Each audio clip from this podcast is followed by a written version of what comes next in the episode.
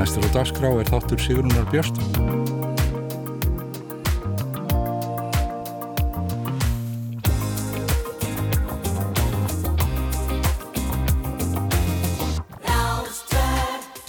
Komiði sæl og blessuð. Já, þá rennum við á stað hér á Rás 2 á þessum ljúfa laugardagsmorni. Ég heiti Felix Bergsson og þetta er þátturinn fram og tilbaka.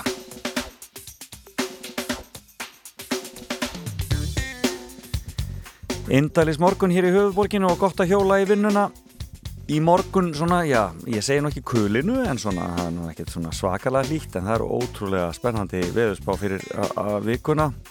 Ég veit eiginlega ekki hvað er að gera þjá okkur hérna fyrir norðan og austan en það er bara, er bara uh, ef fólk er ennþá í sumafrí þá held ég að það sé þangað sem leiðin liggur. Og þeir töluðum um það eitthvað staðar að það ég væri jafnvel útlitt fyrir 27 steg að hita eitthvað staðar uh, fyrir austan uh, í vikunni. Þetta eru svona svakalegir hitapollar sem er að koma til okkar núna. Og ég er nú vissum að þeir sem að óttast breytingar á loftslægi séum þetta orðar ágjör af þessu en, en við bara brosum í gegnum þau tár og njótu sólarinnar, það er nú bara svo einfalt. Það er ímislegt uh, framöndan í þess að þetta við ætlum að kíkja eins á það sem gerist á deginu hér eftir nýju ég ætlaði nú að reyna að ná uh, á þau í Tókjó þau sem er að fara að keppa á olimpíuleikum fallara en það býður aðeins betri tíma. Ég hef búin að koma mér í samband eh, við þau þar en eh, æfingar tröfla það að við getum náð viðtali. Þannig að það verður að býða betið tíma og þeir eru eftir að heyra mikið því góða fólki í vikunni hvort þið er. En síðan kemur nú til mín ábrútafræðingurinn Dr. Margret Valdimarsdóttir og við ætlum að eh, aðeins að ræða málinn hér. Hún ætlar að koma í fimmuna til mín. Nú byrjum við aftur með fimmuna og hver er betri gestur til þess að hefja það heldur en Margret. En Byrjum þetta á smá stuði og uh, ég var að hlusta á eitthvað skemmtrið diskola á leiðinni í vinnuna í morgun og hugsaði já, það er nú gafan að finna eitt gamalt og gott íslenskt disko og þá kom hljómsettin fjörefni upp í hugan það var nú, uh, nú já, hún fór nú ekki mjög hátt kannski en var samt gríðarlega vinsalt, miskusti þetta lag. Já, dansaðu þetta ekki hvar sem þið eruð, hvort sem þið er í eldúsinu eða út á sjó. Bara, nú er bara að taka upp eðlilegt hald, er það ekki þannig?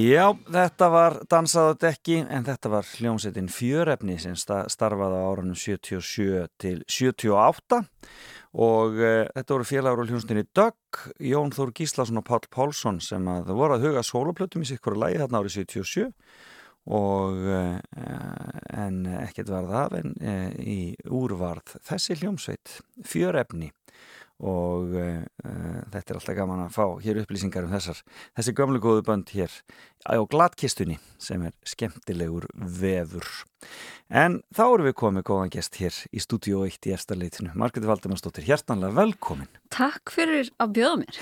og velkomin á fætur og þessum Já, ertu, ertu takk. morgumanneskja? Já, þetta hérna, allir hef ekki vaknað svona hálftíma fyrir en ég hefði gert Já, að því ég var að koma til því. já, um mitt Já, það er svona mm, einn af ókostunum við að eldast er að maður hættir að geta sofið út. Já, akkurat, það er alltaf til í því Já, ég vakna eiginlega alltaf á saman tíma. Já, bara sjöleiti þá eitthvað svo leiðis Já, svona hálfa átta. Já, akkurat, dásanlegt En nú er að koma vetur þannig að ég þarf kannski að fara að vakna hálftíma fyrr. Og ertu þá kaffimanneskja? Ertu, er það, er Já. fyrsti kaffin mjög mikilvægur? Já, já, já, ég er búin að fá mér minn bolla í morgun.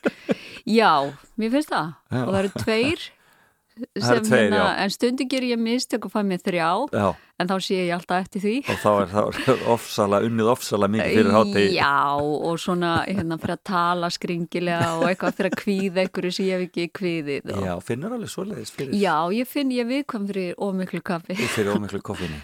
Já. Þetta er skemmtilegt. Eh, Hvernig er starf hérna, e, já, vísindamannsins? Þetta er náttúrulega, þú ert náttúrulega, e, þú ert ekkert alltaf að kenna. Nei, nei, einmitt, sko, kennslan á að vera uh, samkvæmt uh, samningi, er Já. 40% af minni stöðu sem dósent. Uh, Háskólan Akureyri. Já, Já, Háskólan Akureyri, lauruglufræðin og hérna, og svo, svo er ég að rannsaka hitt og þetta sem tengist afbrotum að því að það er mitt fag og Já. tengist svona lauruglunni og hérna, en svo er ég líka í uh, litlu hlutfalli við félagsvísstafstofnun Háskóla Íslands þar sem ég er að gera það sama, rannsaka. Já, og þá það sem tengist afbróðufræði þá er Já, já, og hérna og það eru alls konar verkefni hjá félagsvísstofnun stofnun sem að, að hérna, tengjast akkurat mínu áhuga sviði og hérna við erum til dæmis núna að skoða svona e, við erum að gera hriðjuverka rannsókn en við erum ekki að rannsaka hriðjuverk heldur svona upplifanir fólks og óta við hriðjuverk Já, og hvað tengir svona þessu hérna með tókstreitinu á milli öryggi og, og hérna Já, og óryggis bara hreinlega þá. Já, og, og hérna frelsis, hversu mikið frelsi ertu tilbúin að afsala þér til þess að upplega þeir sem örugan. Það er mjög áhugaverð. Já, og svo byrja þetta saman milli land og þetta er Já. mjög spennandi rannsók. Sko, það, er náttúrulega svolítið gaman e, þetta með að, að, að á mínu áhuga sviði, sko, finnur þú stundum að fólki finnst þetta bara að vera svona hálf fáranlegt og þú fá bara að vera svona að vinna við þitt, þitt áhuga svið og, bara, og ríkið bara, ríkið bara standi ströyma þessu.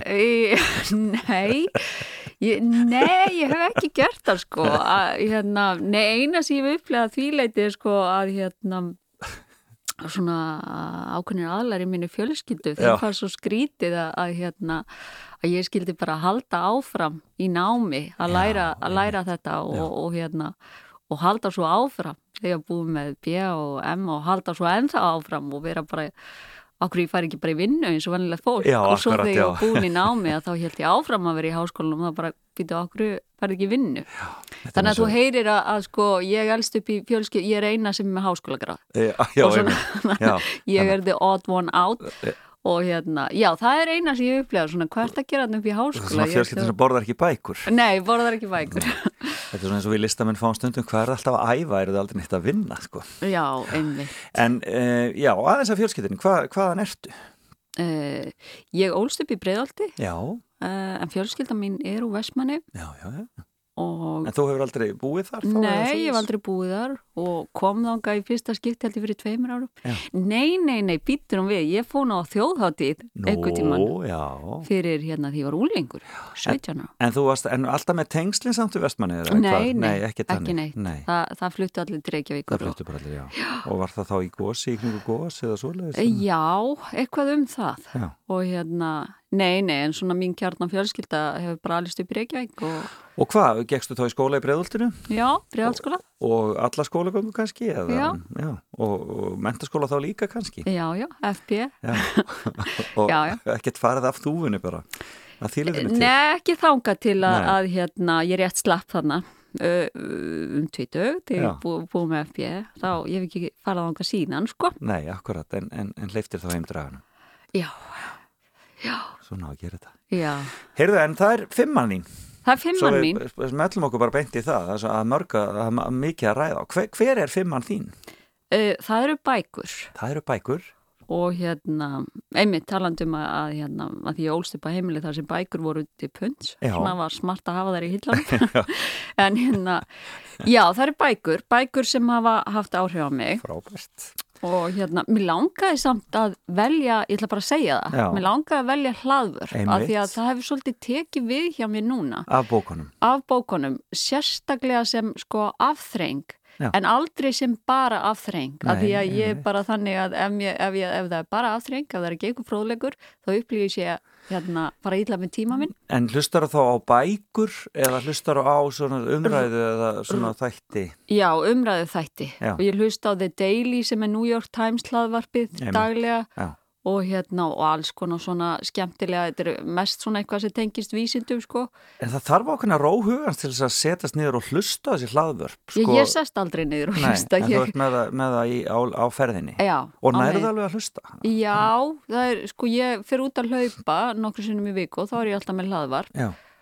og það kemur fyrir að ég þarf að spóla tilbaka að ég mista ykkur um mínúndum en almennt er ég bara að hlaupa og hlusta, sko. Og hlusta, já. Ferð ekki að hugsa um vinnuna eða hlusta, hugsa um hvað Nei, þú ætlar að kaupa í matinn. nei, þetta er nefnilega leiðin til að koma í veg fyrir það. Nákvæmlega. Að hérna, vera bara að hlusta eitthvað viðtal sem að, að hérna, ég hlusta meira á Erlend podcast ég er líka farið núna að hlusta á Íslensk hlaðvörf sem Já, ég finnst akkurat. skemmtilegt Já, akkurat. Og hérna. Og hva, já, það, það væri nú gana að fá, fá við fá kannski, við spyrja eins og það á eftir svona þín upp á þessu, en, en er það svona stundum þegar þú ert að fara út að hlaupa, ertu þá búin að velja þið podcastið sem þú ætlar, eða hlaðvarpið sem þú ætlar að Já. hlusta á og ert svolítið spennt að, þarna, Mjög. að setja það í gang Mjög, sko. Þetta er hérna, já, ég verð að setjast niður og velja það. Hefur þú lendið því að hlaupa of langt af því að það, þú varst ekki búinn með það sem þú ætlar að hlusta á Nei, uh, nei, ég hef ekki, góð spurning.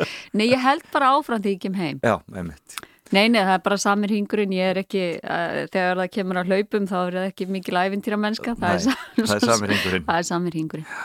Heyrðu en hvaða bækur? Byrjum á fyrstu bók Já, fyrsta er Þúsund bjartar sólir Já. eða Þúsund, uh, hvað heitir hún, sko? Þúsund Splendid Sons, líklega. Já, ég bara veit ekki hvað hann heitir ensku Þetta, er, þetta er Afganistasaga, þetta ekki? Já, og kannski fór ég að hugsa um hana, eða ekki kannski, ég Nei. fór að hugsa um hana eh, núna aftur vegna ástandsins og, og hérna, þessi bók kom út 2007 og hafði rosa áhrif á mig Já, og hérna, þetta er sko að því að ég hef lesið alveg rosalega fáar skáldsögur. mm. Ég les yfirleitt hérna, já, ég les æfisegur og svo les ég fræðibækur og svo les ég, ef það er einhver svona fróðleikur. Já, og hérna, en þetta er náttúrulega skálsaga en samt eh, er þarna verið að lýsa uh, raunverulegu samfélagi eins og það er Mhm. eða var og, og hérna þannig að ég datt alveg inn í þessa bók. Hún hafði áhrif á mig vegna þess að ég uppliði sko svo mikið þakklæti fyrir mínastöðu já, einmitt.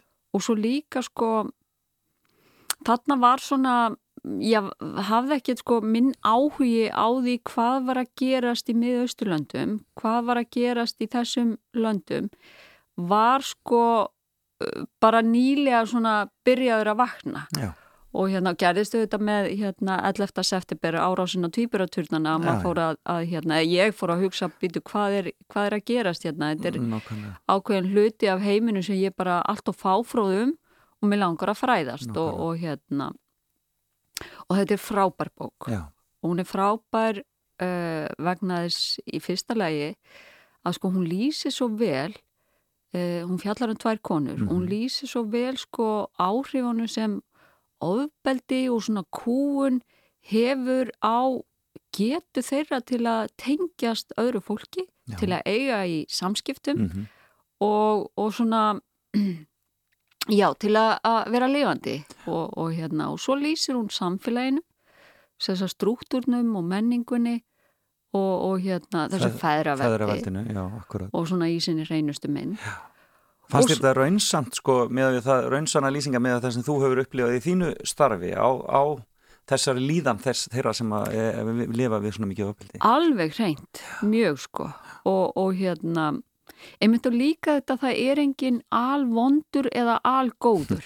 Fólk er bara verður fyrir áhrifum að alls konar aðstæðum sem það lendir í, gerir mistök og, og uppfullt af sko, já, gremju eða svona hérna já, svona hérna slæmum tilfinningum að því að það er búið að hérna upplifa ofbeldi Mhm. og það verður oft svona ringrást, það heldur áfram og beitir síðan kannski sínbötn ofbeldi og mér fannst þetta, eh, þessi bók lýsa þessu mjög vel Já. og þarna er í þessu tilfelli er þá verið að lýsa sko sambandi móður og dóttur Já, akkurat. og hérna já, Þetta urðu gríðarlega vinsæla bækur þarna á þessum tíma, flugdreika hlauparinn líka og þessar, þessar bækur sem fjölluðu um þetta.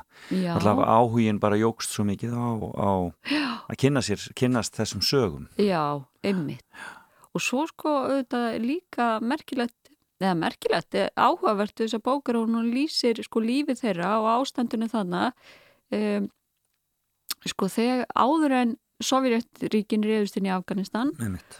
Og á meðan það var hernumið og svo þegar talibanar tóku við og svo þegar talibanar mistu völdin í kjölfar uh, 11. september. 11. september og svona hvernig það var ólíkt svona þeirra daglega líf Já. breytist að einhverju leiti en var samt líka eins Í rauninni alltaf eins, já, Já. akkurat því svona, já, Þetta er áhugavert sko um, fræðimaðurinn í þér lítur að horfa aðeins til Afganistan núna þegar þú ert að horfa á þetta að gerast þetta er náttúrulega næstu svona eins og Mhm. hann er stuð eins og svona glæpa gengi taki yfir samfélagi einhvern veginn, það er svolítið svoleiðis þetta er svona eins og gengi taki yfir einhvern veginn Já, með ofbeldi. Já.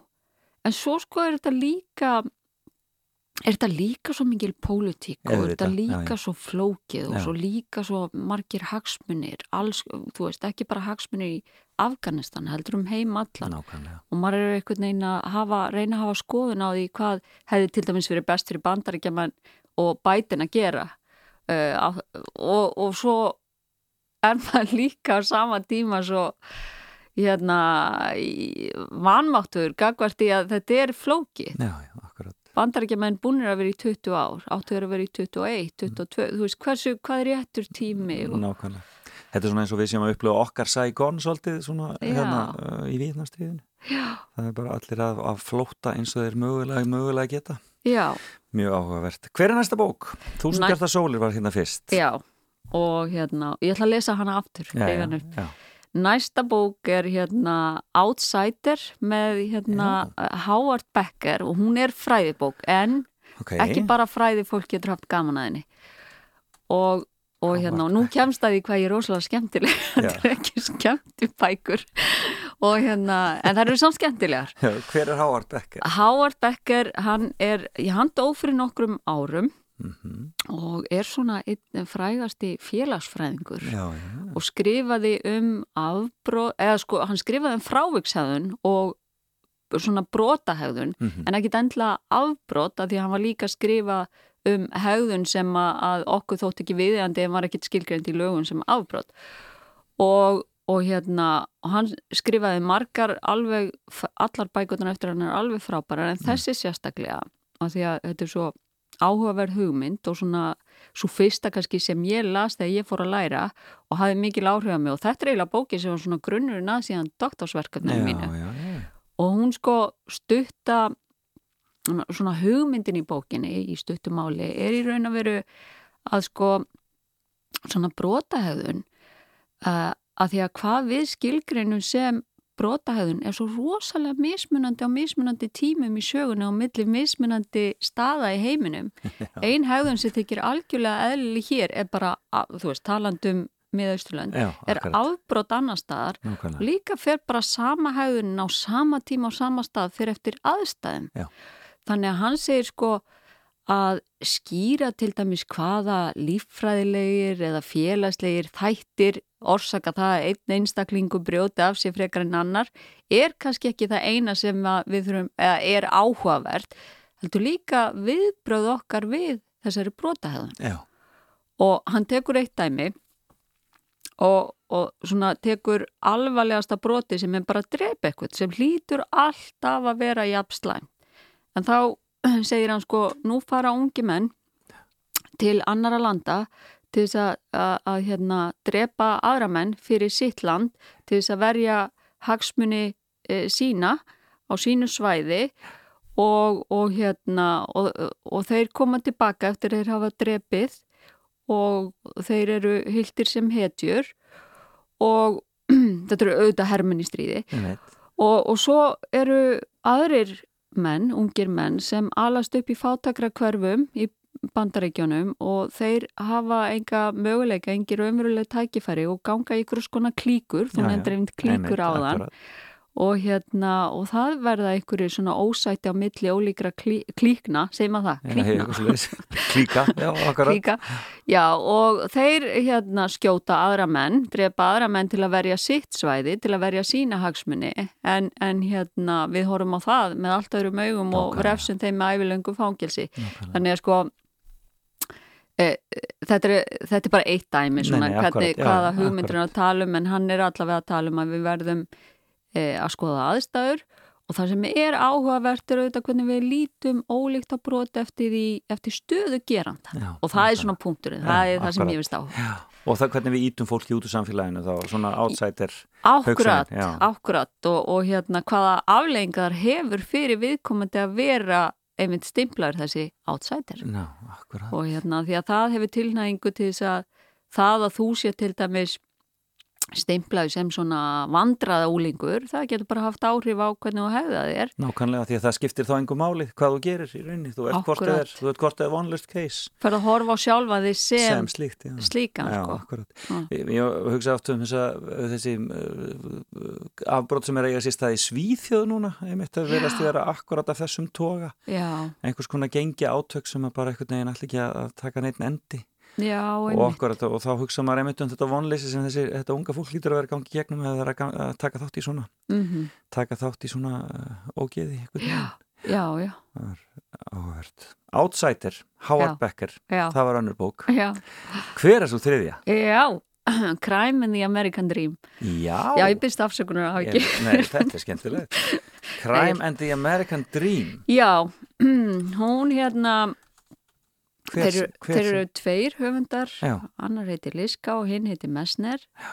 og hérna og þetta er önnum fræðibók sem ég held líka að þú þurfur ekki að vera fræðimæði til þess að hafa gaman að henni. Já, og sko um, í stöttumáli þá sko spyrja höfundar bókarinnar eh, sig að því, hvernig stendur á því að í bandaríkjónum er svona mikið að afbrotum, hér er bara hefur fólk það nokkuð gott? Svona miða við Já. uh, á mörgum öðrum stöðum í heiminum að þá er hérna mentunastig hátt og það er hérna uh, bara velmegun og, og hérna fólk hefur já, almennt sko lífskjör eru góð hérna miða við á mörgum öðrum stöðum. Af hverju eru svona mörg afbroti bandaríkján og svarið þeirra er menningin og struktúrin og aðalega það að sko aðal áherslan í menningun í bandaríkjónum er á efnahægin á svona að það er eina sem skiptir máli, efnahagsleg gæði Já. og það er sko ætti að vera markmið allra að hérna svona þetta gróðar sjónamið að, að hérna hvort sem það er ekkit endilega, til, svona til að öðlast virðingu samborgarana að þá þarftu ekki að minnst okkur gert þessi peningar gefa þér og farið í langt og fínt frí, þú þarft að búa í fínu húsi, eiga hæði í vestumænu og hérna spila eh, golf, er, eh, það er golf sem er mjög dýrt eða ekki? Jú, mjög dýrt Já, já, ég dýrt. ætla að byrja að spila golfundaginn og Já. er- er að komast að því. Og hérna, já, og svona og þeir eru að segja að það er þess vegna vegna þess að, að hérna, aðal áherslan þetta er mjög socialist bók. Og hérna, aðal áherslan er á peninga en á sama tíma er svona svo blekking til staðar að allir hafi jöfn tækifæri. Mm að það eina sem þú þurfur að gera til að ná þínu markmiðum sem eiga alltaf að vera efnaðsleg er bara að vera duglegur. Já, bara vera duglegur og vinna hérna nóg vel og, og bara menta þig og fara í vinnu. En, en það er blekking í þeirra hugum, huga og hérna og svo ertu bara að strita og skilur þessu, þú kemst ekkit áfram að því að það er ekki þannig að því að í bandaríkjónum er í raun og veru félagslegu færaleiki þar sem að er talað um sko hérna mjög lítill, Já. þannig að sko ef þú fæðist eh, ef að fóldræðin er fátakira Já. þá eru mestra líkur á því að þú þú haldur áfram þar já, verðir það. En svo að því að við búum á Íslandi, þá hérna, af hverju, hvaða máli skipti þessi bók hér? Ég meina, við vitum alltaf að kapitalismin er að, hérna, er allsáðandi í bandaríkjunum og eru við ekki bara í ágættismálum hér. En þá, sko, mér fannst þessi bók nefnilega svo merkileg að því ég var að lesa hana stuttu fyrir hrun, bankarhrun. Já, og hérna og ég var að upplifa sko hún væri svo mikið að lýsa ástandinu hér. Já, að því að sko hver, hverjir voru hetjurnar í samfélaginu sem byrtust í öllum svona helstu glamúr blöðum og, og hérna hverjir voru gaurarnir sem okkur þótti merkilegastir og það voru bankamanninir akkurat. og það var svona, hérna, þú manst eftir þessu, það var svona stemning í samfélaginu að okkur þótti bara svo svakalega merkilegt hvað þessi menn voru að gera þannig í böngunum Já. að þeir voru að græða alla þessa peninga að það var sko aladrið en það var sko aukaadrið hvernig þeir gerða nákvæmlega. við vildum ekki endla að vita Ná, og það vildum helst ekki vita það. Nei, vildum akkurat. ekki vita það og uh, það er svona já, setning úr bókinni It's winning that counts, not how you play the game Já, akkurat. og, hérna, og mér fannst þetta svona já og, og svona hún hafði líka áhrif á mig sem fræðikon Og hefur þetta þá, ég menna, nýtur þetta síðan inn í þína rannsóknir? Hefur þetta síðan gert síðan rannsóknir af þessu tægi hér heim? Hér heima, já, svona óbeint Já. sko. Ég hef hérna uh, það er komið svolítið síðan en hér til dæmis heima var ég bara að skoða ábrot úlinga og eftir hérna hverfum. Já, og þá var ég að skoða til dæmis hvaða máli það skiptir að búa í hverfi þar sem margir foreldrar uh, eru fátakir mm og eru einstæðir og hérna og hvaða áhrif það hefur á alla í hverfinu og hvaða hérna afhverju það hefur áhrif ólingan í hverfinu Já. og þá sáum við til dæmis í okkar ansókn að það var vegna þess að bara þegar þú hefur ekki tíma og orku að þá getur ekki tengst öðrum foreldrum Já. og þá verður eftirlit með krökkunum minna nei, nákvæmlega. og já, akkurat. þannig að svona, já Svona, þannig að kannski þetta, þess, þetta tala við, við svo sem vitum það kannski, en þetta tala um stjettleysi á Íslandi er, er kannski bara algjör mýta. Já, það er auðvitað einhverju leiti mýta en við verðum líka samt, mér finnst það alveg samt ágætt að- að hugsa að, að hérna í samanbyrði við margar aðra þjóðir Já. að hérna þá, þá er auðvitað miklu svona e, stjættir, þetta er ekki jafn þungt hérna Nei, og möguleikarnir eru til staðar. og möguleikarnir eru til Að- staðar Að lifta sér upp úr, upp úr slíku. Og ég meina bara, Aðstæðum. svo ég verði persónleg Já. en, en bara því ég sagði þér að, að sko, ég er svona fyrsta í minni sem klára háskólan á að hérna, og hér á Íslandi þykir það, þetta ekki svakalega merkilegt Nei, en hérna í bandaríkjunum ég var í doktorsnámi með konu sem ólst upp í svona mjög erfiðu mjög fátæku hverfi í Chicago Já. og hún var að klára doktorsnám Já. í bara fínum skóla á sama tíma og ég og hún var sko hún var svona hérna bæði upplifum það sjálf og allir í kringum hana hvað hún væri í raun og veru bara eh, hérna, ég, hvað er rétt á orði þetta var stórfenglegur mikil hetja bara. mikil hetja, að þetta var í alvörinni merkilegt, þetta var merkilegra fyrir hana heldur en þetta er fyrir mig. Nákvæmlega. En það er samt, menna, fannst ekki að það væri, það var, hefur verið svolítið átakað að ákveða að fara þennan veg eða hvað, kannski ekki. Já, eða sko, ég, ég upplifði þetta nú ekki sem átak, en ég ímynda mér að ef þú, ef að þú elst upp á heimili að þar sem að fóreldrarinn eru mentaðir og, og, hérna, og þar sem að þú fær stuðning og þar sem að það er lögð áhersla á þetta, að þá er það svona auðveldara og kannski var það líka til þess að, að hérna, ég fór í háskólaðin setna og fór Já. bara að vinna eftir FB Já. Og, hérna, og ætlaði mér í raun að vera aldrei í háskóla. Það var ekki hluta mínu svona Nei, nei, nei, okkur ekki hluti af, af, af fyrirmyndunum eða því sem þú hafið fyrir. og hérna, datta bara aldrei í hug fyrir en ég fór einhvern veginn að lesa og bara þyrsta í, eh, þyrsti í að, læra eitthvað sko. Og hérna, já þannig að, að því leitir Ísland sko, jú auðvitað stjættaskiptingin Já, já. og sérstaklega sko að því að Ísland hefur breyst svo mikið að hér eru uh, hærra hlutvel inflytjanda heldur en hefur áður og það er náttúrulega það er orðin sko það er bara meiri fátakt meðal inflytjanda heldur en meðal þeirra sem hafa fæðist á Ísland Já, og jafnvel svona meiri félagslega útskúna eða fólk Já. svona dettur aðeins meira, verður meiri outsiders eins og Já, já, dettur aðeins út. Heyrðu, við skulum taka okkur smá pásu. Þú varst búin að velja fyrir okkur lag og það er aldrei stór skemmtilegt. Er bara- Engin sérstök hugsun á baku það, mér langaði bara að velja eitthvað Ísland og þetta er svona laugadagur í þessu lagi Það er mínus, þú ert mínusmanneskja. Já, ég er það og líka country kona og country kona. En þú komst í liðið jakkanum og þá er Já, mínus þennan já. morgunin. Hlustum á The Long Face.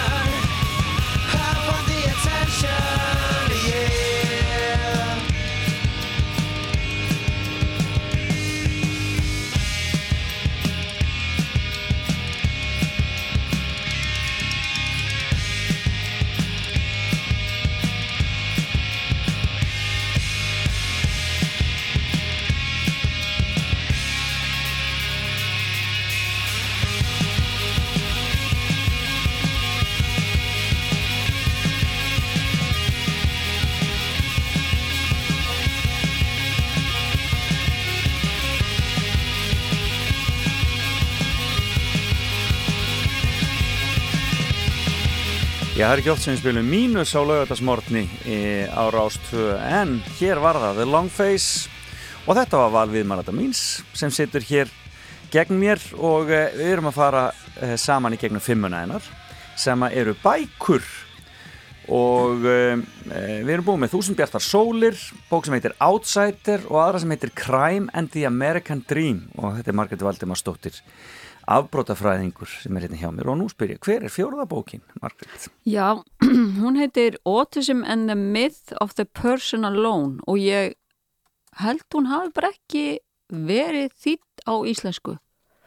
Og þetta er auðvitað bókum einhverfu. Já, og hérna þekkjur eitthvað til í þeim, þeim efnum? eða þeim Já, og til þess að, að hérna, einmitt að svona skýra hvers vegna þessi bók hafði svo mikil áhrif á mig að þá verði ég að skýra uh, sko aðstæðnar sem ég var í Já. þegar ég las hana. Já, Já, svona minn er einhverfur og, og hérna við byggum út í New York þegar hann var greindur með einhverfu Já. og við vissum hérna, okkur hafði aldrei dotti til hugara að sonur okkar væri einhverfur og við vissum bara að hann væri hérna, ekki farin að tala þegar flestir væri farin að tala en okkur fannst það ekkert áhyggju efni nei, akkurat. Strákar væri bara, hérna, eða krakkar væri bara, já, einmitt. En svo var okkur bent á að, að við þyrftum að hérna láta skoðan, láta greinan og það kom kona heim til okkur, okkar og var með honum í svona hálftíma og síðan kom hún til okkar og sagði já, strák, sonur ykkar er klálega einhverfur og þið meði alveg gera ráð fyrir að hann muni aldrei tala við ykkur. Hann hefur engan áhuga á ykkur. Hann hefur, á, hann hefur ekki áhuga á fólki. Hann hefur áhuga á hlutum. Og hérna og þið verða að búa ykkur um, undir það að hann geti aldrei séð fyrir sér sjálfur. Og þetta var áfall. Og hún bara skellir þessu hún svona á skellir ykkur? þessu. Og sko að því að hún, hennar trú var að við þyrftum að fá að heyra þetta svona að því að svo við þyrftum að fá að heyra sko svona the worst case scenario eða þannig. Já. og hérna þannig að sem ég reyndar held að sé rántjáni Já, akkurat, þetta er mjög þetta Þetta var- mjög þetta brútal mjög brútal aðferðir, Og svo var það ekki búið, svo sá hún sko, en að því að hann er bara tveggjara, það hafið smá svona glugga, uh, window of opportunity, hún, Ameríski draumur já, það er ekki draumurinn, það hafið smá glugga til þess að, að hérna, draga hann fram. Og þið verið að gera það með því að fara með hann í réttu meðferðnar og, og þið verið að byrja strax. Þannig að við sko, við tók sex mánuða ángist af að, að við að fara í New York borg á milli sérfræðinga, á milli læknar sem voru með alls konar hugmyndir, lesa alla bækur sem við fundum um einhverfu Já. og hérna við höfum örglega vanrækt svona okkar á meðan, Já. af því að vorum bara svo upptíkin af Já, þessu já, sko akkurat. og hérna þetta var mjög erfitt tímabil en svo sko fann ég þessa bók Já. og hérna Autism and the Myth of the Person Alone og þetta er bók sem hérna í raun og veru eru einhverfir einstaklingar Já. sjálfur að lýsa sínu lífi og sinni reynslu Mhm. og þannig eru bæði einstaklingar sem að maður myndi segja væri svona, jafnvel, eh, svona Asperger og svo mjög eh, hérna, einhverfir einstaklingar sem eða þú veist mjög eða lítið eða þeir geta að minnst að kosti ekki talað Mhm. en nota hérna til þess hjálpatæki og, og þessi sko bók var svo mikil himnasending af því að í henni e, segir höfundurinn, alhöfundurinn og svo tekur hann hann við tölvi marga bara að, að sko mikið af þessum bendraða, mikið af bókum er skrifað að, um einhverju skrifað af fólki sem er að, að hérna lýsa einhverju sem það hefur í raun og verið enga reynslu af Nei, og, og að, hérna og þekkir ekki og við vitum ekki mikið um einhverju og ég er svona einhvern veginn þessi bók var það minnst að hún er frábær og var til þess að ég stoppaði og fór bara að hérna að horfa á son minn Já, og, og hérna að eigða tíma með honum Já, reyna bara að skilja betur frá honum bara hva, Já. hvað væri í gangi Já. og fór svona að túlka allt sem hann gerði að, hérna, ég var alltaf sko eftir þetta, eftir að hann fekk þessa greiningu þá var alltaf, ó já, hann gerir þetta því hann er einhverfur. Já, Og- en svo var bara, já, sonu minn hefur áhuga á litlum bílum. Hann hefur bara mikinn áhuga á litlum bílum. Það er ekki þráhyggja. Nei, hann hefur bara áhuga á litlum bílum. Strákar hafa áhuga á litlum bílum. Nákvæmlega og hérna og svo sá ég bara, já, hann er gladur hann er hérna hraustur hann hefur áhuga okkur. Já. hann langar rosalega mikið til að eignast vini, honum finnst rosalega margt fyndið. Mhm. og hann er bara, það, hérna, það þarf ekki að lækna. Það þarf ekki að hlaupa á milli sérfræðinga. Og þetta var, þetta náttúrulega gekk mjög langt þarna, Já, það var, við fundum einn lækni sem vildi fara að reynsa blí úr blóðu á hann Oh my god. og, og við bara, nei, nei, og annar sem sagði bara, já, þið verið að taka allt glútin úr mataræðin og þá hættir hann að vera einhverfur. Já, hérna hér. þetta var náttúrulega algjörstrugl Mátti ekki setja hann í bólusetningar og eitthvað svona. já, já, alls konar, alls konar Þarna, en eh, hann fór að tala. já, já, fór Já, að tala bara já. Og, og hérna, og hann talar í dag Já, og hérna Og sýnir þér alveg áhuga. sýnir mér áhuga mjög mikið, stundum og mikið og hérna, já, já, er bara indislegur og, og hérna, en hann er einhverfur, alveg jafn einhverfur og hann var þá, Já. en hann er líka alveg jafn gladur og hann var þá og, og svona, Hvað er hann gammal í dag? hann er 12 ára Já. og hérna var að skipta um skóla og gær fórum við mitt í, það var fyrsti dagurinn í nýja skólanum gær og Já. eftir að kennari var búin að fara yfir svona námsefnið og, og þá sagði hún eða fyrirkomulagið í kjænslustofun þá hún hvort hann hefði ykkur spurningar og þá sagði hann já, hvað ertu gömul og hvar fættust já, einmitt, já, já, akkurat. og svo sagði hann hvenær má ég fara Já, akkurat, það er góð spurning. já, Eh, eh, hver, hver erum við? Hver, hver er pappi hans? hann heiti Mörður Áslegarsson Já, og hérna, já, þannig að þið voru í þessu saman. Vorum í þessu saman. Þessari upplifun. já, já Þetta er ótrúlegt. Já, og hérna og bara einmitt. Og lestu ennþá þessa bók? Kíkjur hann það í hérna? Ég þarf að fara að rifja hana upp. Já, Ég þarf að, það er langt síðan ég las hana. Já, en hérna, ég bara þessi var, sko, kannski já, ég ætla að rifja hana upp að því að þessi bók, það sem hún var náttúrulega kannski bara líka fyrir mig á þessum tíma. Já, og hérna, ég man sko, ég, nú, ég græt ekki svona oft. Það, er, það er frábært ef fólk grætur. Mm, en ég gera það ekki. Nei, en þarna á þessu tímabili satt ég í lestinni í New York og grét allt og þetta var bara, þetta var erfið tími en líka indislegur og, og hérna og þessi bók og ég mæla með þessari bók bæði fyrir fólk sem er einhvert og fyrir fólk sem, er það ekki Akkurat. Það er svona þessi óvissa sem að uh, gerir mann svo óörgan og, hrættan þá í rauninni. Síðasta bókin, svo fymta. Já Tíminn sko, hleypur frá okkur, eins frá okkur eins og vera ber. Sko, er, það, mér finnst þessi bók smá vandræðaleg Já, En nú, ég, já, já.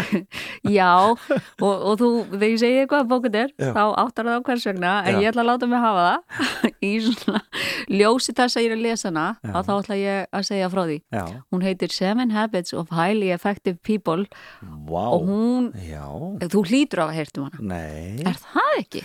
Og hefur hún ekki verið þýtt? Habits of highly, Effective já, People. Þetta er eiginlega mest selda hérna, sjálfsjálfar bók bara frá upphafi held ég. Þess vegna finnst mér að vandræðilegt. Já, Að akkurat. Nei, líka því þetta er sjálfsjálfar bók já, og hérna, ég las hana sko einhvern tíma fyrir mörgum, mörgum árum og hún nýttist mér rosalega vel Já. og svo er ég að lesa hana aftur núna mhm. og hérna, Tekur hana þá bara í, í að hlustar á hana? Nei, ég bara lesa hana á kyndlinni Já, mínu. þar sem flesta bækurna mínar eru Já, og hérna, það sem er gott við kindilin er að hann er alltaf með mér bara í litlu töskunum minni Já. og svo því ég hef fimm mínútur er að býða eftir lækni eða býða eftir einhverju já. þá hérna opna ég kindilin Ná, og það er svona, maður er alltaf með bók, uh, En hvað er, en hva, hvers vegna var þessi, var þessi e, sjálfhjálpabók svona vinsæl?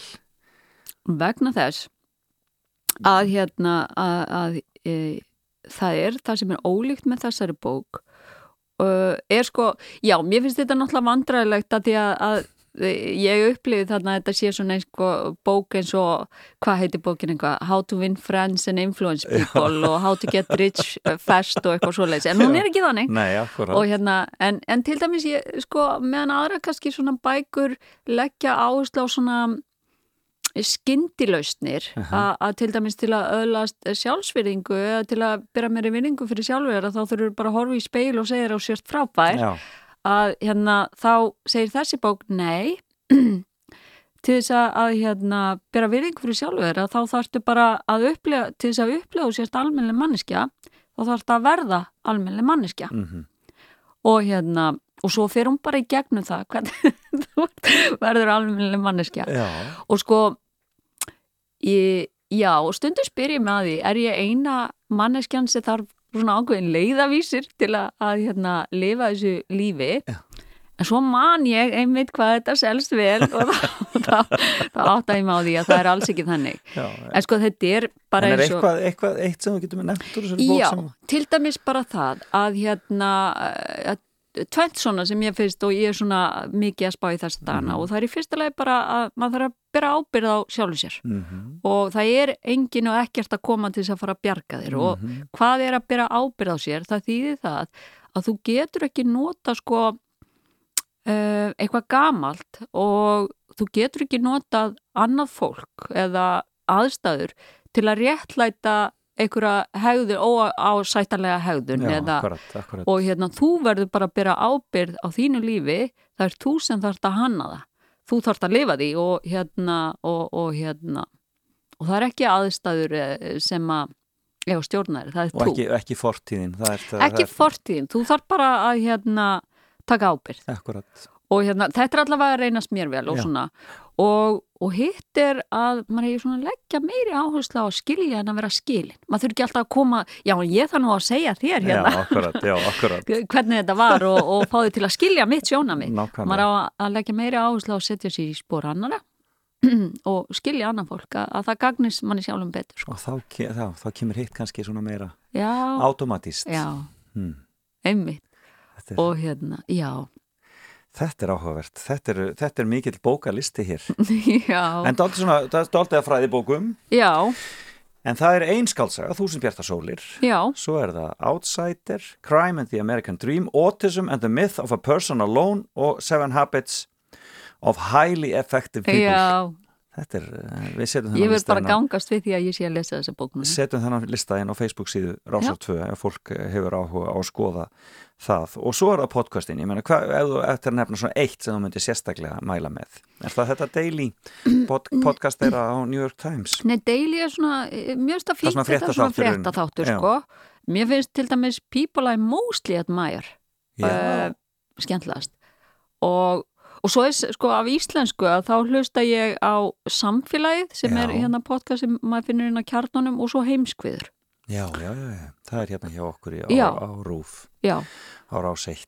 en People I Mostly Admire Já. er hérna skemmtilegt er hérna, hvað heitir hann Steve Og er það sagfræðilegt þá, sagfræðilsæðilis eða? Já, það er það. Hann er hérna hagfræðingur, hvað heitir hann, Steve Levitt. Já. Hann er hérna hagfræðingur sem tekur bara viðtöl við alls konar fólk og fer yfir sögu þeirra og hérna stundum er þetta stór, stjórnendur stórfyrirtækja, stundum er þetta fræði fólk, stundum er þetta bara eh, einhver nágrannans og, Já. og svona. Og hann segir mostly admire sko, að því að, að hann hérna, hann er svona, hann er skemmtilegur, hann er mjög skemmtilegur og, og tekur til dæmis viðtöl við einhverja e, fórstjóra og þá segir hann já, já, þér hefur gengið ágæðlega í lífinu og gert þetta en svo reyndar veit ég til þess að, að þú hérna þurftir að reka þannig tíu manns og hann svona Já. hann, er, hann segir það líka að maður get ekki sett fólk á stall og, og allir séu frábærir á allan hátt maður getur bara svona mostly admire Já, akkurat. Og lært af. og lært af Já, reynd að skilja. Já, þannig? reyndar skilja? Margrét Valdimarsdóttir, mikið gaman að fá þig til mín. Hvernig verður helgin hjá þér? Æ, ég veit ekki að hlusta á eitthvað eða, eða lesa eitthvað? Eða, Ég þarf eða aðeins ganga að, ég eitthvað þarf eða að, hlaupa eitthvað? já, ég hérna, mm, það, ég, það verður hlaupið. Já, hver, hver er ringurinn? Ég sko bý í hlýðunum, Já, þannig ég hleyp upp í öskilíð og svo þaðan er á, hérna, mm, já, þarna niður uh, ægis síðuna, sko, Já, og svo bara tilbaka. Þannig að fólk getur séð þig á hlaupunum Já. einhvern tíðan um helgina. Já, þannig ég ætla, ég ætla að hlaupa, ég þarf að vinna smá og svo er ég að fara til Akureyrar á mánudaginn, þannig að það er svona, Þá þarf að undirbúa það, þá byrjar undirbúa þetta- kjænsli. byrjar þetta allt saman. Já, Kæra þakki fyrir kominu fram og tilbaka. takk fyrir að bjóða mér.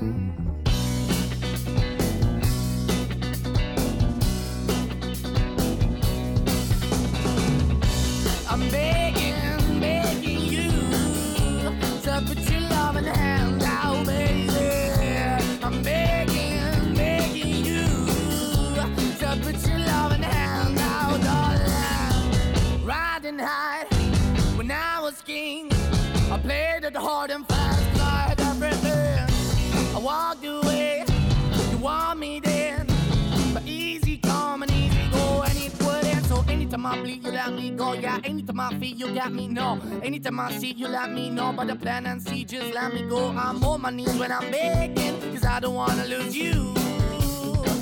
Hey, yeah, 'cause I'm begging, begging you. Uh, Put your love in the hand now, baby. I'm begging, begging you. And put your love in the hand now, darling. I need you to understand. Try so hard to be your man. The kind of man you want in the end. Only then can I begin to live again. An empty shell I used to be. The shadow all my life was hanging over me. A broken man that I don't know.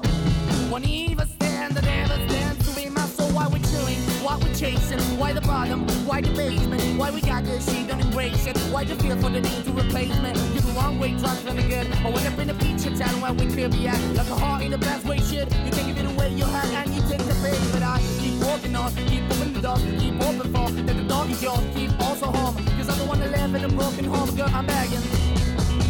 Yeah, yeah, yeah, I'm begging, begging you to put your love in the hand now, baby. I'm begging,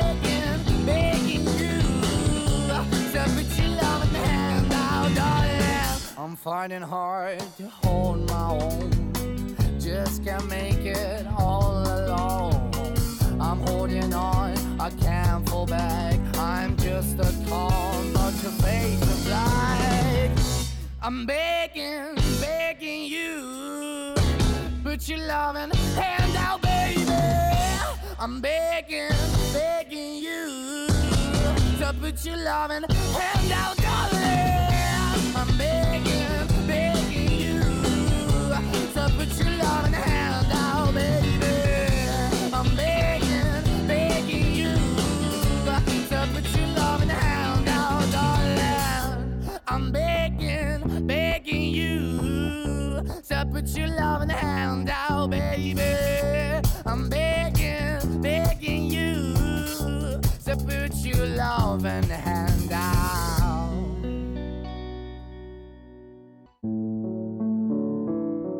Kúrðu bara áfram og hlustaðu á fram og tilbaka á Rás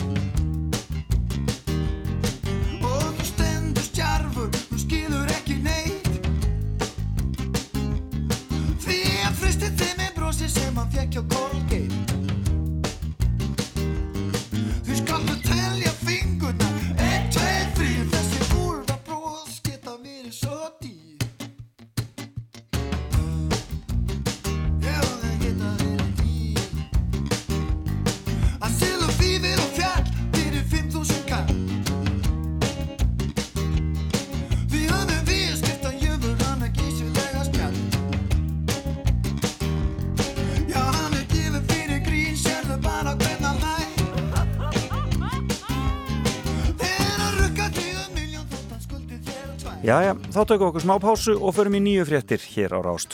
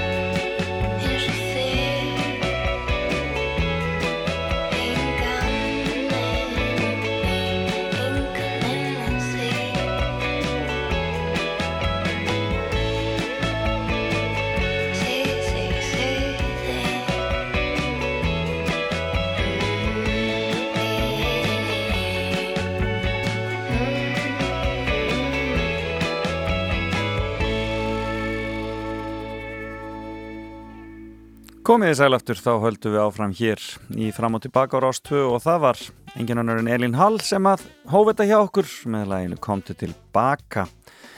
Príðileg tónlistakona þarna ferðin og leikona sem hefur nú alltaf skert það gott. Eh, leik til dæmis aðalsverki í kvikmyndinni frábæri Lof mér að falla. En eh, hún auðvitað, kom fyrst fram svona fyrir almenningssjónir fyrir alvöru í söngakefninu 2015 Elín en hefur nú svona frekka lítið gert úr þeim þeirri, þeim hluta feril síns sé ég í viðtölum annars líkt það er svona eins og það er en hún var frábær þá og er frábær í dag. Já, þeir eru þessu fram og tilbaka og hún var hérna hjá mér og Margret Valdimarsdóttir í morgun. Mikið óskaplega gaman að fá hana í heimsókn hér og um, heyra fimmuna hennar sem voru fimm bækur. Hún les mikið og hlustar á podcast eða hlaðvörp og e, bækurnar eru Þúsund bjartar sólir eftir Khaled Hosseini Outsider eftir Howard Becker Crime and the American Dream eftir Messner og Rosenfeld Autism and the Myth of the Person Alone eftir Douglas Bicklin og Seven Habits of Highly Effective People eftir Franklin Covey. Þetta er flottur listi og við setjum hann inn á Facebook síður ásötu þannig að þið geti kíkt á þetta ykkur náttúrulega til að lesa eitthvað að þessu. Hljómar margt mjög spennandi. Ég var að kíkja á veðrið hérna og nefnum ekki bara að lesa hugleðingar veðufræðings það er alltaf svolítið skemmtilegt. En það er allkvæðs austanátt Siðst á landin í dag, annars meðan hægari vindur, bjart veður norð-austan og austanlands, jæja, með hita að 18 til 20 stegum en skíjaði í öðrum landslutum og fyrir að regna setnipartin fyrst sunnan til. Suðurlæg átt, góla eða kaldi á morgun, lítilsáttar væta á Suður og Vesturlandi en bjart og áfram hlýtt á norð-austanverðurlandinu. Á sunnudagur útitt fyrir ákveðna sunnanátt með regningu en líklega veruð þurft norðurlands austurlands fram á kvöld. Ég er að segja ykkur það, ef þið eru ennþá í sumafríð þá er það norðausturlandi sem sem er stóra máli ég vil hljóta vera að orðin kaffi brúnanna fyrir austan. Gaman að því og fyrir norðan. En um, e, þetta er svona með veðrið eins og í lífinu. Að e, já eins og maður bara já, maður grípið til orðas kálsins the winner takes it all. Þetta er Abba dagsins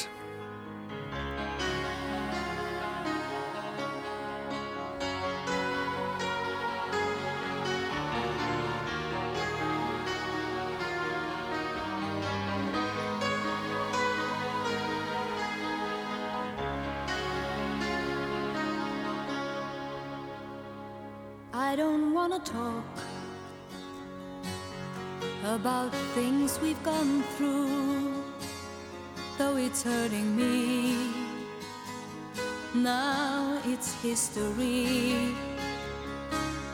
I played all my cards, and that's what you've done too. Nothing more to say, no more race to play. The winner takes it all, the loser standing small beside the victory.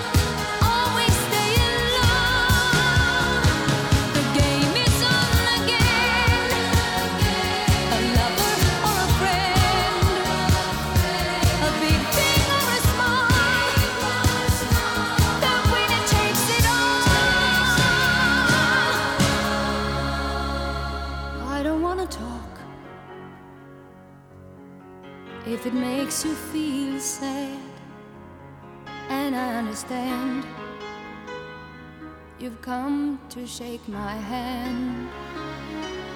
I apologize if it makes you feel bad, seeing me so tense. No self confidence, but you see, the winner takes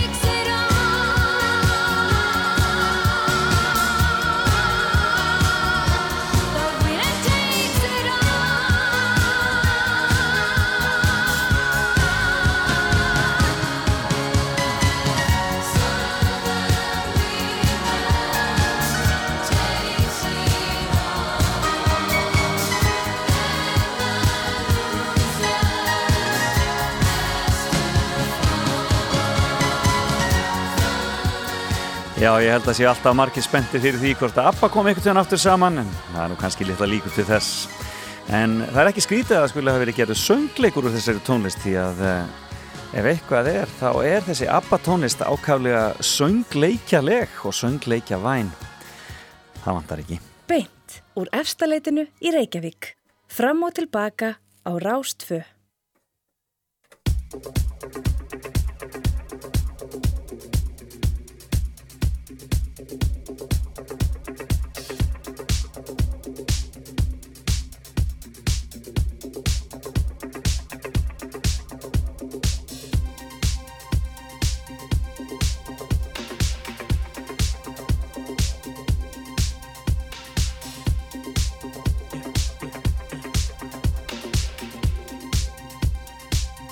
saw the fire in your eyes.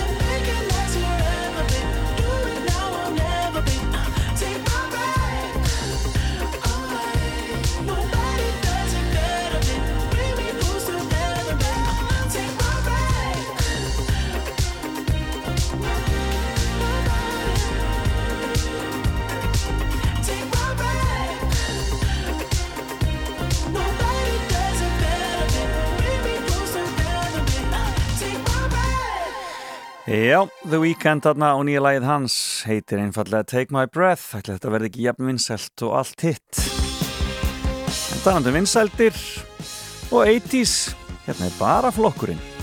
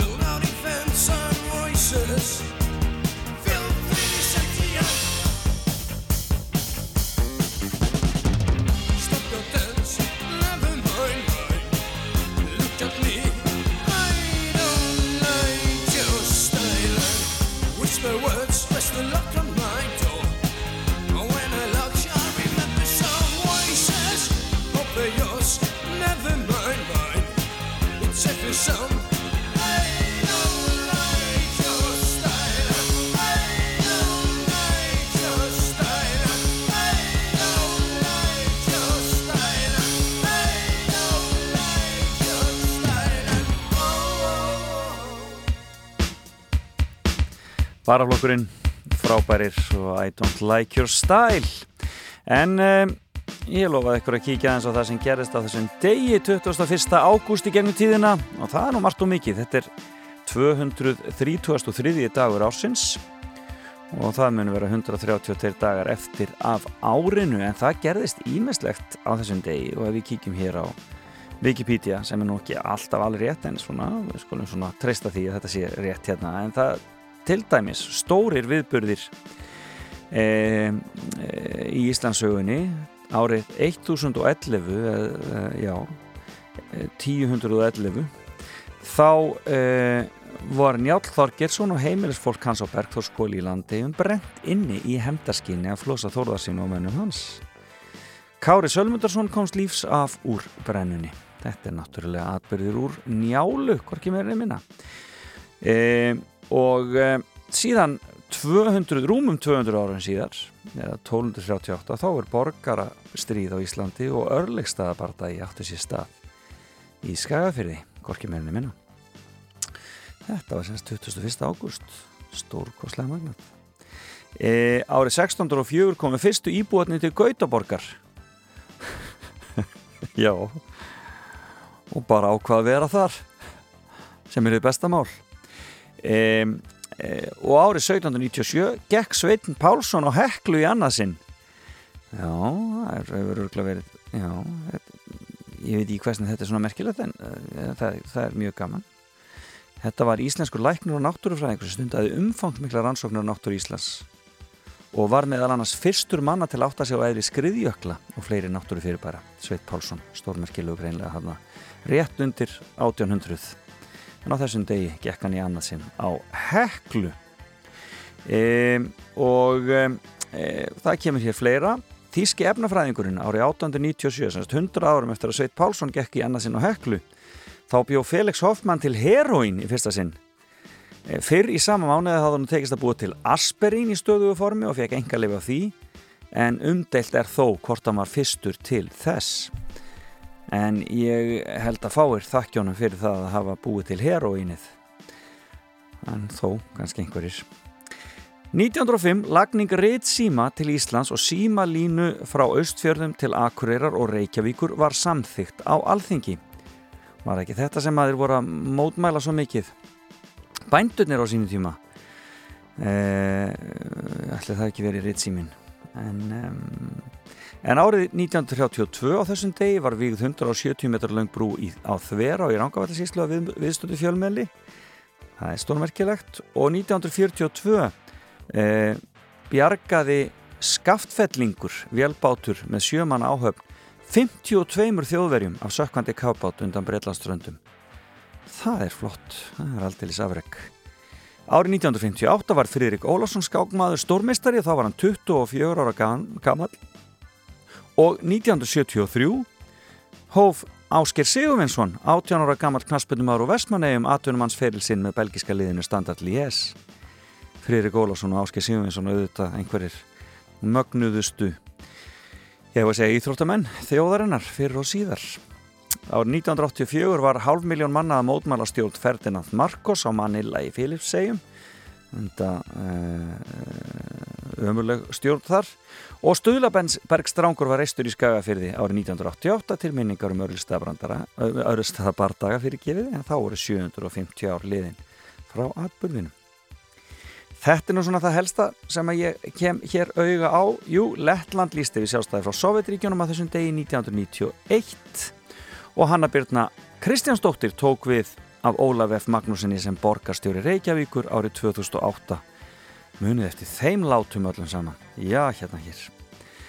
Og ef við kíkjum aðeins á Amali spörnin þá er Teodor Júliusson hann á Amali í dag. Þetta íslensku leikari Lógi Már Einarsson formaði samfélkingarinnar og líka afmæli í dag. Og um, Robert Lewandowski knaspinum aðurinn knái hjá bæinn München. Við óskum öllum Amali spörnum innilega til hamíkjum með daginn og látum þessu lokið. Jú, á þessum degi kom þessi plata út Be Here Now, þetta var þriðja breiðskífa Oasis og hér er ein af smáskífunum. Af þessari plötu sem að seldist mjög vel en hefur svona ekki fengið einskoða dóma svona þegar litið er tilbaka. Og sem er að segja að þetta hafi verið endirinn á Britpop tímabilinu en hér er lagað þessari plötu. Oasis Stand By Me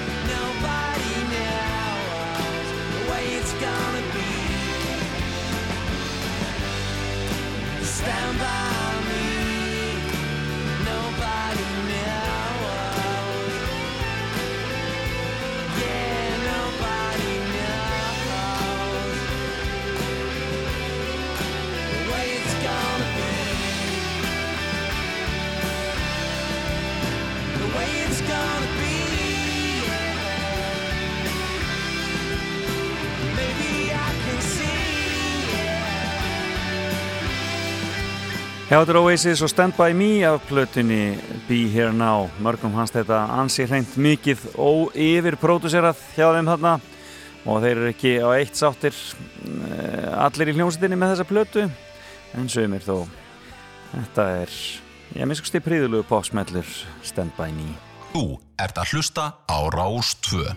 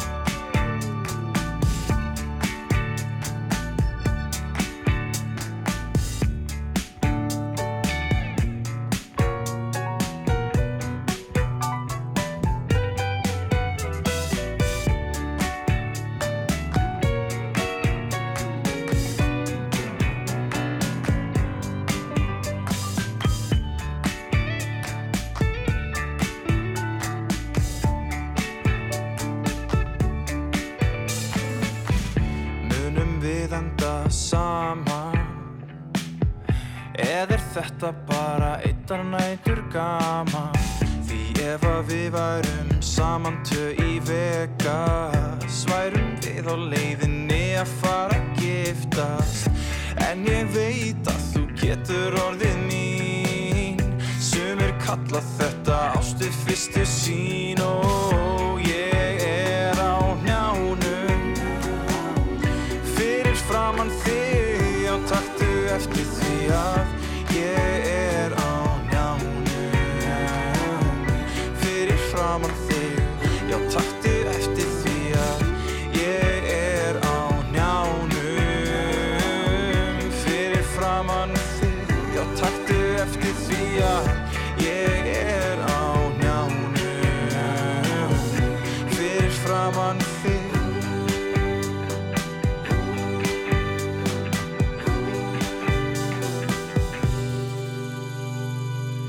taktu mynd af því Ég hef mikið húmor fyrir þessu lagi. Á njánum, hipsum haps.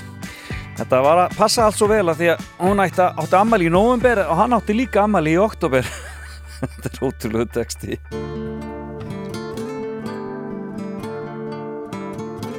Þú ert að hlusta á Fram og Tilbaka með Felix Bergsinni á Rástfö. Týról paradísar hjó Hvar erum við? Tíminn flýgur inn til mín og ræðir við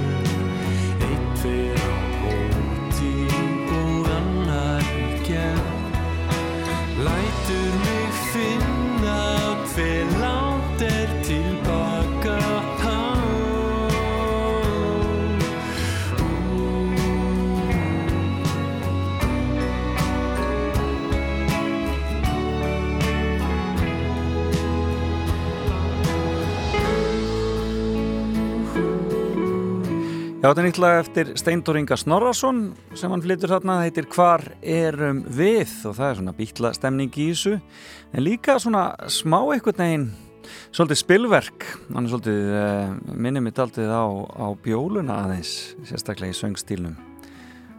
Gríðarlega vel gert, Hvar erum við? Og talandi um spilverkið þá rifjast þetta upp úr uh, sjómastætti fyrir mörgum mörgum árum. Hér syngur bjólan einmitt Þinn Guðmundur skáld. Smörði jólinn á raskinn Þó ekki. Vaður af lífi og sá Við syldum höfinn Í hljóðláð draumi. Var við þýminn París og Róm. Upp og niður Skjált á riður Á kvöldi dags var mingjan tón Í vetrargarðin að Er sumarið var fyrir bí. Tífóli, tífóli, lí, lí Tífóli, tífóli, tífóli, lí, lí. Er sumarið var fyrir bí. Svo líður árin. Sjöníu þretta Sveifum garðinn Guðmundur einn. Spurði hjólinn og mann sett tólinn En þangað kemur ekki nei Njóma ég Í vetrargarðin æði arði Er sumarið var fyrir bí. Tífóli, tífóli, lí, lí Tífóli, tífóli, tífóli, lí, lí. Er sumarið var fyrir bí. Er sumarið var fyrir bí. Er sumarið var fyrir bí. Er sumarið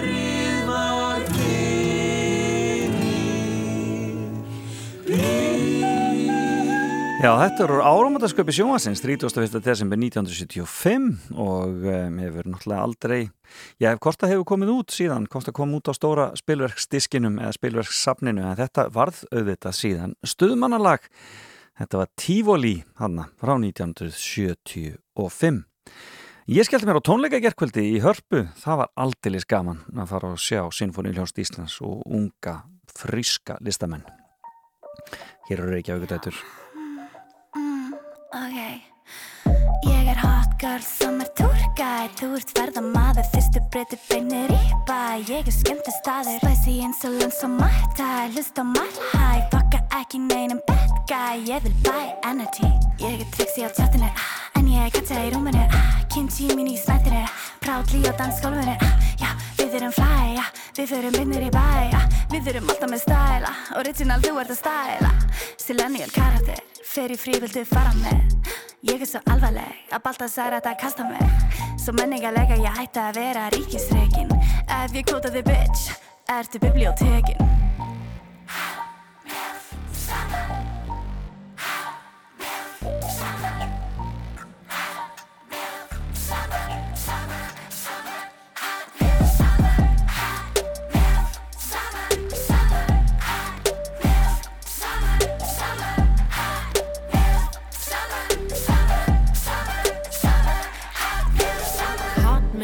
summer, förum beinir í bæja Þrælar eru fyrstir, já ég þekki þessa gæja.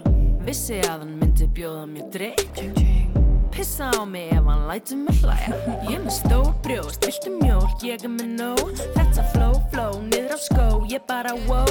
Inn á kló, kló, snjófló, ég er svo mjó. Ég gerum don't know. Hún er milf, hún er hó. Set the bar high for the mills out there. I'm your ex-stepmom, just divorced your dad. I keep his ass on red, he eats my ass like bread. You best believe he's fed You call it arrogance, I call it confidence. Baby, you stole a glance, I stole your inheritance. He got a D bigger than me on my OnlyFans. You're in the south of me, I'm in the south of France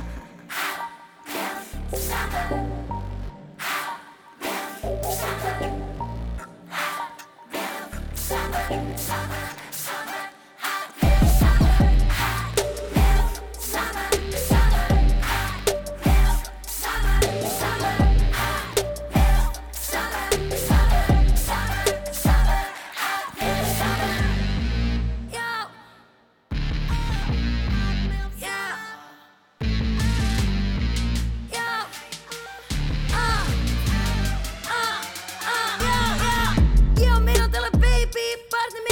lazy Setur diski sinni í vaskinn, faðar ekki þegar ég lappinn Hann er svo cute, bitchan er minn svo hann lítur vel út Fyndi baby, hann er sjaplinn, veist að ekki hver er pappinn Lítið milf ég er nasty.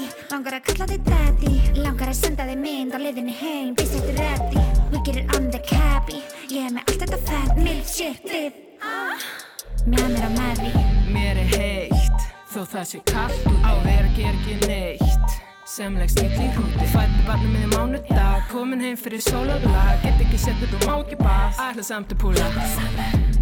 Langar niður í bæ að dansa, finna bassa.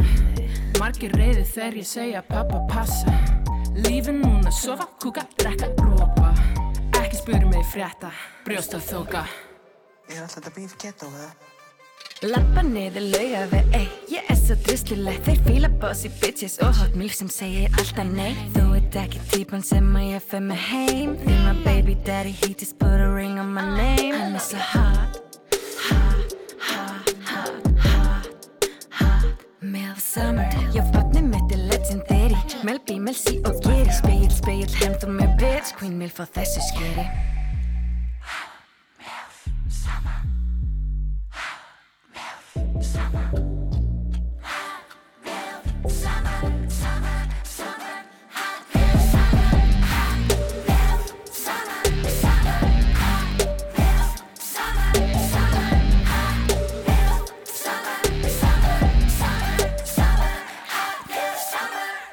Velkomin á Fætur. Fram og tilbaka á Rástfö.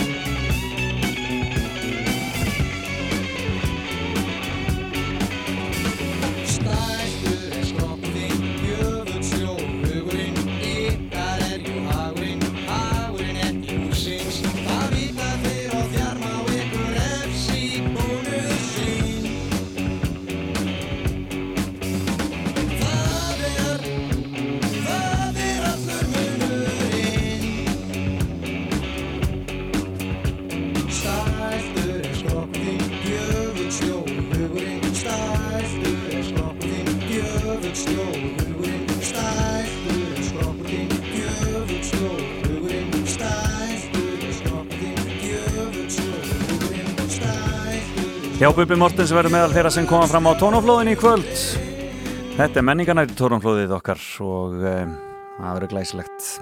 Hlökkum til að sjá það í sjónvarpinu, uh, byrjar eftir fréttinnar í kvöld. En ég var að segja frá þessum tónleikum sem ég sá í gær með Sinforin Hljónst Íslands og ungum listamönnum.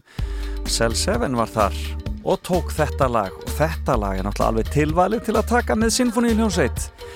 City Lights og flauturnar fóru algjörlega á kostum. Já, og Ragnar sjálf auðvitað.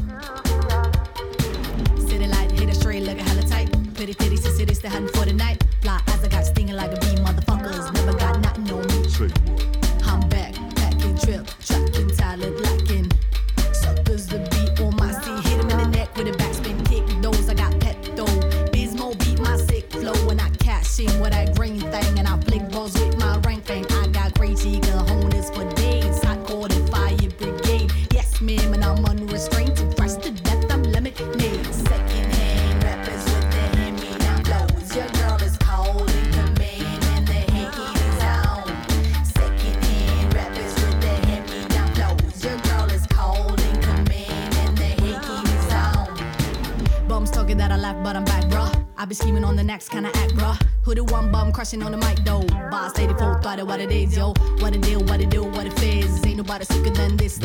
Self-made, heavyweight, lock it down, done and gone. But they pulling me back cause I'm magnificent. Showing suckers the light because I'm innocent. Y'all the respect for like a sentiment, a man about my shit because I represent. In it to win it, I've been it for a minute when it come down to wrecking the mic, I mean business. Watch me learn and witness. Take notes, basic bitches. Secondhand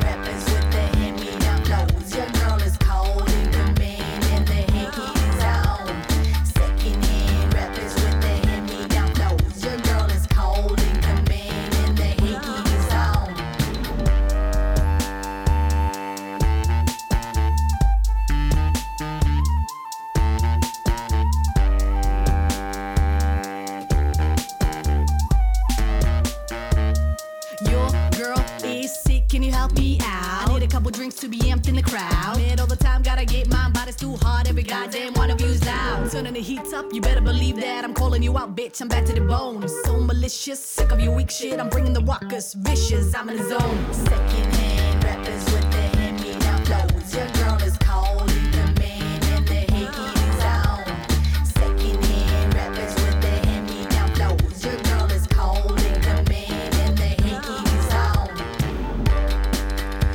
Selseven og hefur frábæra City Lights. Þetta er búið hjá mér í dag. Búið að gaman að sitja með ykkur hér í fram og tilbaka. Verð hér aftur eftir viku með góðan gest í fimmunni. Það var Margret Valdemarsdóttir sem satt hjá mér í dag. Það var frábært. Og svo fyrir við að byrja aftur með fréttageturina. Það fer svo sannarlega að líða því. En það verður Raka Gísla sem klárar tónaflóði í kvöld og hún klárar það líka hér í þessum þætti. Takk fyrir að vera með og heyrumst eftir viku.